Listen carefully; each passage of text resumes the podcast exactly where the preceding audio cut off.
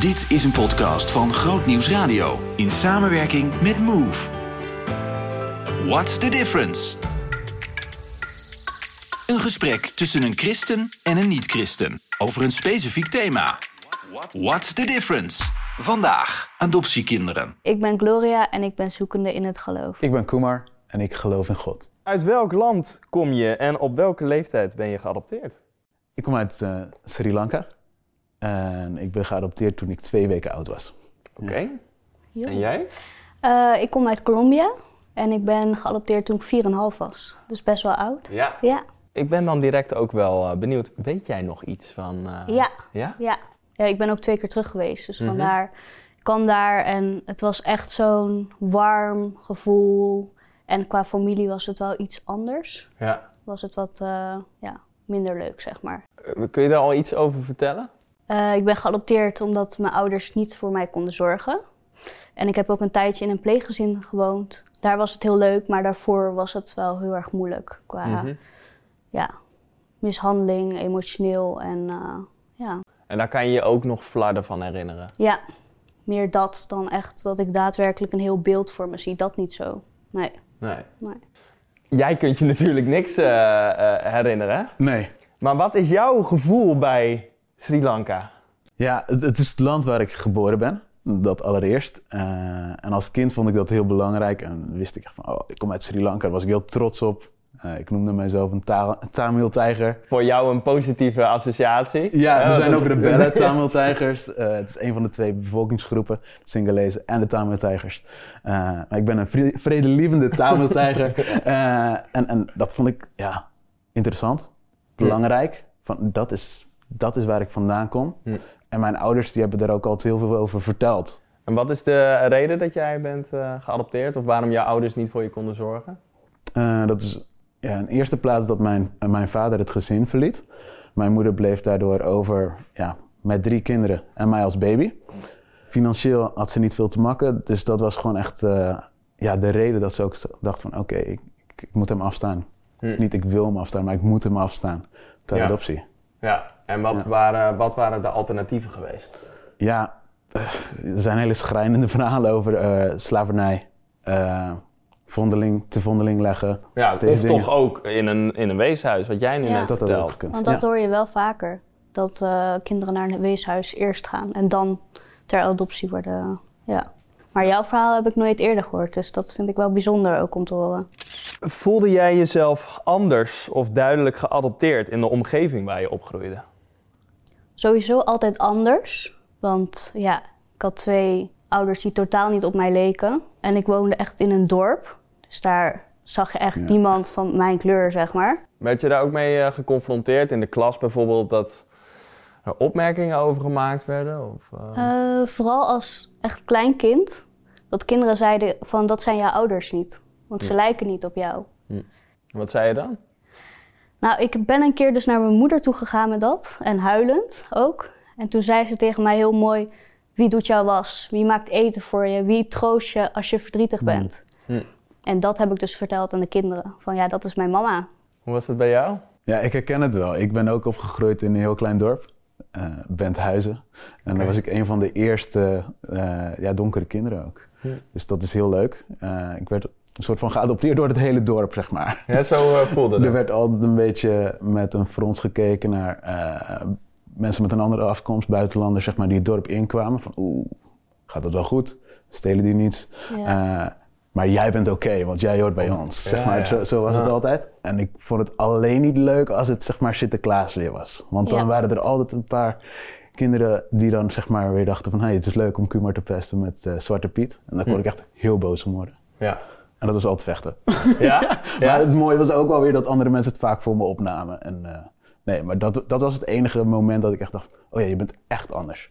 Liep jij tegen vragen aan rondom je adoptie in je kindertijd en puberteit dus vooral? Ja, die financiële reden er was altijd heel duidelijk uitgesproken. Eh, dat mijn vader het gezin had verlaten was ook heel duidelijk. Maar toch heb je soms zo'n klein stemmetje achterin. Maar is dat echt? Is dat echt, echt een verhaal? Hm. Eh, en dus wilde ik dat eigenlijk ook nog wel een keer horen vanuit hun eigen mond. Mijn ouders die hadden bij, de, eh, bij het ja, dat klinkt een beetje gek, maar bij het ontvangst wilde ik zeggen. Toen ze mij hadden gekregen uit de handen van mijn moeder bij de rechtbank, hadden ze een belofte gemaakt. Ze hadden gezegd van oké, wanneer hij ouder is, komen wij terug en om te laten zien wat er van hem geworden is. Dat hebben ze gedaan omdat er ook echt doemverhalen rondgaan daarvan kinderen die Ja. afgestaan worden ter adoptie, die, die worden leeggehaald eh, bij donorbanken en zulke soort dingen. Eh, dus ze zeiden van, hey, je hoeft er helemaal niets mee te doen, maar we willen in ieder geval die belofte in, inlossen. We gaan terug naar jouw land.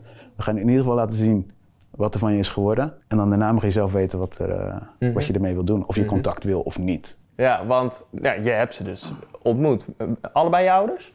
Nee, mijn vader was helaas niet meer eh, traceerbaar. Ja. Eh, maar uiteindelijk, toen, toen hebben we wel mijn moeder gevonden. Hm. En is er dus ook echt weer zo'n weerzien geweest. Ik wist zelf nog niet echt wat ik daarmee moest. Je weet, het is je moeder, maar tegelijkertijd heb je niet die historie. Je hebt niet die, die warmte of die herinneringen Nee. opgebouwd. Dus dat is- was heel gek. Nou, zij heel het aanraken en oh, dat- daar sprak wel weer heel veel liefde uit. Ja. Hoe was dat voor jou? Ik denk voordat je een roetsreis maakt, heb je veel vragen. Maar ik kwam eigenlijk met nog meer vragen terug. Het was meer van, oké, dit is mijn biologische moeder en dit zijn mijn zusjes en mijn broer. Er was echt gevoel van blijdschap, maar ook heel veel verdriet. En ook wel heel veel vragen dus. Van ja, waarom zijn hun wel gebleven en waarom ben ik met mijn broertje in Nederland, zeg maar zo. En ook wel helemaal niet fijn. Toen ik mijn biologische moeder zag, ehm, ja, voelde het heel erg naar voor mij en kwam er veel meer gevoel ook omhoog. En daar heb ik ook later echt wel een trauma aan overgehouden. Dat het toch meer omhoog kwam dat ik dat eigenlijk wist. Dus dat Ja. gevoel werd meer bevestigd met ook beelden en gedachten en dromen. Dus eh, ja, daar heb ik heel veel moeite mee gehad. En waar zat hem dan dat precies in? Waarom was het zo'n nare, nare ervaring voor je? Ze had een blik in haar ogen. En eh, naar mijn broertje toe was ze heel liefdevol. En naar mij keek ze echt, ja, heel bozig. En ja, het is echt het gevoel wat ik daarbij had hoor. En ook toen ze me een knuffel gaf, voelde ik eigenlijk helemaal geen liefde. Hmm. Dus, ehm, en ik had ook meer liefde verwacht, als ik heel eerlijk moet zijn. Had ik toch wel verwacht, echt van je moeder. Ja, Ja. maar dat Ja. was er helaas niet. Heb je het ooit gevraagd aan haar? Nee, ik heb ervoor gekozen om eh, dat contact eigenlijk te verbreken. Omdat het te, te dichtbij kwam bij echt heel veel emoties. En eh, ja, Denk je dat het feit dat je bent afgestaan invloed heeft gehad op jouw zelfbeeld? ja, 100% Ja, toch dat gevoel van anders. Van ik ben anders dan de rest. Oké. Ja. Je zegt anders. Ja. Zit daar ook een stukje minderwaardigheid in? Dat niet zozeer, maar ik merk wel in bijvoorbeeld eh, contact met eh, vrienden of eh, familie dat ik sneller het gevoel heb dat iemand eh, me verlaat of ehm, ja, niet eerlijk is. Dus dat meer, dat stukje. Ja. Maar ik denk ook wel, want dat had ik, had ik aan het begin, toen we net in Nederland waren. Toen was ik bij het zwembad afgezet om te gaan zwemmen. En ik dacht dat ik werd verlaten weer. Dus eh, toen heb ik ook echt keihard staan huilen. En dat is altijd wel bij me gebleven, merk ik. Ja, Ik herken wel wat je zegt over eh, de angst om afgewezen te worden. ja precies. Ja. Dat, is, dat, ja, dat is heel herkenbaar. En, en daar was ik extreem gevoelig voor. dus de, de kleinste dingen, de kleinste eh, zinspelingen, zeg maar, konden voor mij al iets heel groots worden. Van, mama gaat nu weg. Nee, ze gaat gewoon even boodschappen doen. ja, exact. Eh, ja, eh, of, of, of nee, ze is nu gewoon boos. Ze, ze, ze moet gewoon eventjes... of Ja. nu lijkt het net alsof mijn moeder heel slecht... Ja, ja, ja. Nee, dat kon gewoon echt... Dat kon ook met eh, een vriendje zijn met wie je dan niet kon spelen. Oh, oh, waarom dan niet, zeg maar. Dat, dat kwam anders binnen. En dat is gewoon omdat je die afwijzing van kleins af aan al echt ja. zo hebt meegekregen. Een soort van stempel die al heel du- duidelijk is gezet. Heb je er nog steeds wel eens last van? Eigenlijk niet zo. Niet, niet heel bewust dat ik merk van oké, eh, omdat ik andere gedachtenpatronen nu, nu heb, zeg maar. Ik heb daar wel een stukje, ja, ook met God gewoon echt een, een weg in gevonden en een, een plek mogen geven. En eh, die angst ook echt weg mogen doen uit mijn leven. En dat heeft het wel heel erg veranderd. Maar er zijn ook situaties waarin het wel weer een trigger is. Hm. Hm. Ja. Dus Hoe heeft, toe. Ja, hoe heeft God je daarbij geholpen dan? Ehm, nou, op mijn vijftiende ging ik terug en op mijn zeventiende heb ik bewust een keuze gemaakt om, om eh, met God te gaan leven. Elke keer wanneer ik gewoon op mijn kamer was, dan, dan, lag ik heel vaak op de grond. Dan zei ik, Heer, wat wilt u nu tegen mij zeggen? En dan schreef ik die gesprekken op, als het ware, omdat ik wilde oefenen in Gods stem verstaan. Hetgene wat over en over en over werd gezegd, was van, je bent mijn geliefde zoon en ik zal je nooit verlaten. En dat ging achter elkaar door, zeg maar. En het was gewoon alsof ik daar heel veel behoefte aan had, zonder dat ik dat echt wist. Mm. Maar je bent mijn geliefde zoon en ik zal je nooit verlaten. En dat is gewoon als, alsof het in mijn hart gegraveerd werd, zeg maar. En eh, dat heeft echt wel, eh, dat is een stukje herstel geweest. Ja, en dat voelde je dan gewoon in je binnenste dat dat tegen je werd gezegd? Of door de Bijbel? Hoe gaat dat dan? Nee, het was niet een hoorbare stem of zo, maar het was gewoon eigenlijk in mijn gedachten, zeg maar. Dat ik. God gewoon uitnodigde. Heer, wat wilt u zeggen? En dat, dat, er, dat ik dingen ging opschrijven en dat ik soms dacht, hé, maar dit verzin je echt niet zelf. En, en dit waren zulke woorden die zo binnendrongen dat ik dacht, oké, da- dan ga ik dit ook omarmen. Wat denk je daarvan als je dat eh, hoort? Nou, ik vind het heel mooi. Ehm, ik heb heel erg het gevoel en het idee altijd dat ehm, alles een plekje en puzzelstukjes bij elkaar komen de rest van je leven. Dus ik denk dat het beetje bij beetje gaat.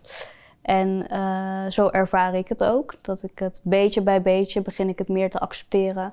En vind ik eh, rust daarin en vind ik daar, ja, is het goed voor mij, zeg maar. Eh, maar ik vind het wel heel erg mooi en ook heel krachtig ook dat dat zo voor jou, ja, dat het zo voor jou betekent, zeg maar. En zo, ja.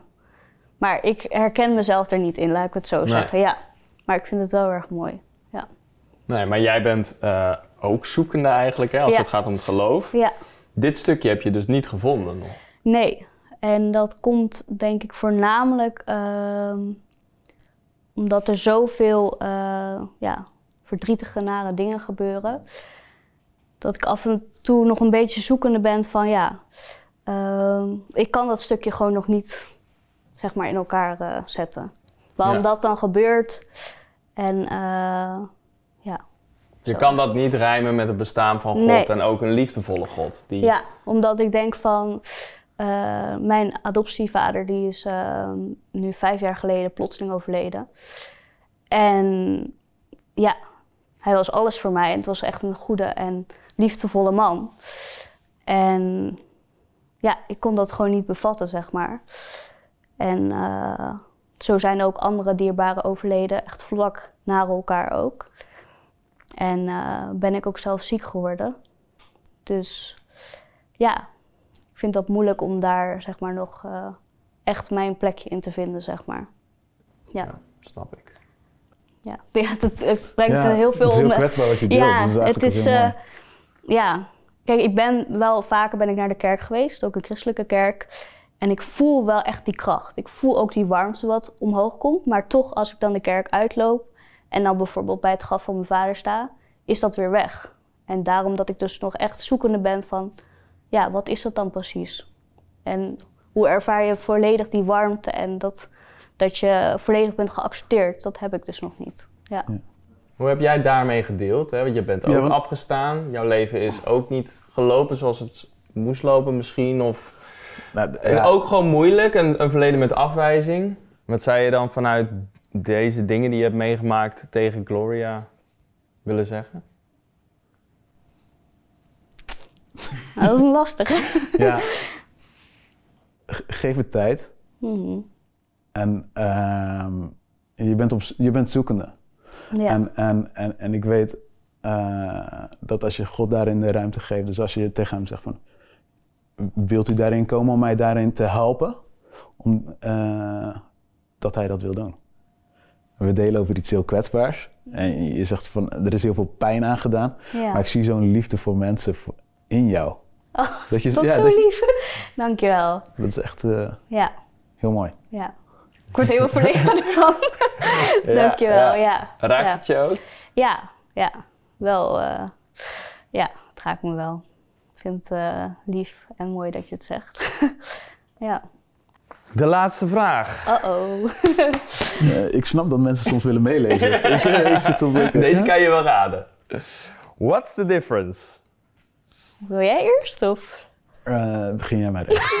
Ik hoopte dat je zou zeggen, ja, ik ga eerst.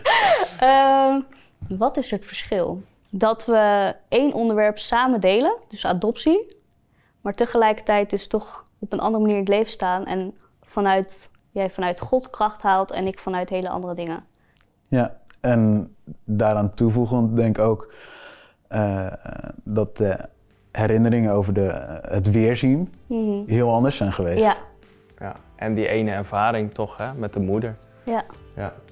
Dat jij het juist heel anders eh, tegenovergesteld eigenlijk had. Ja. Volgens mij hopen wij allebei heel erg eh, dat jouw liefde voor je moeder nog eens wordt beantwoord. ja, dank je. Zien in nog een podcast? Ga naar grootnieuwsradio.nl slash podcast.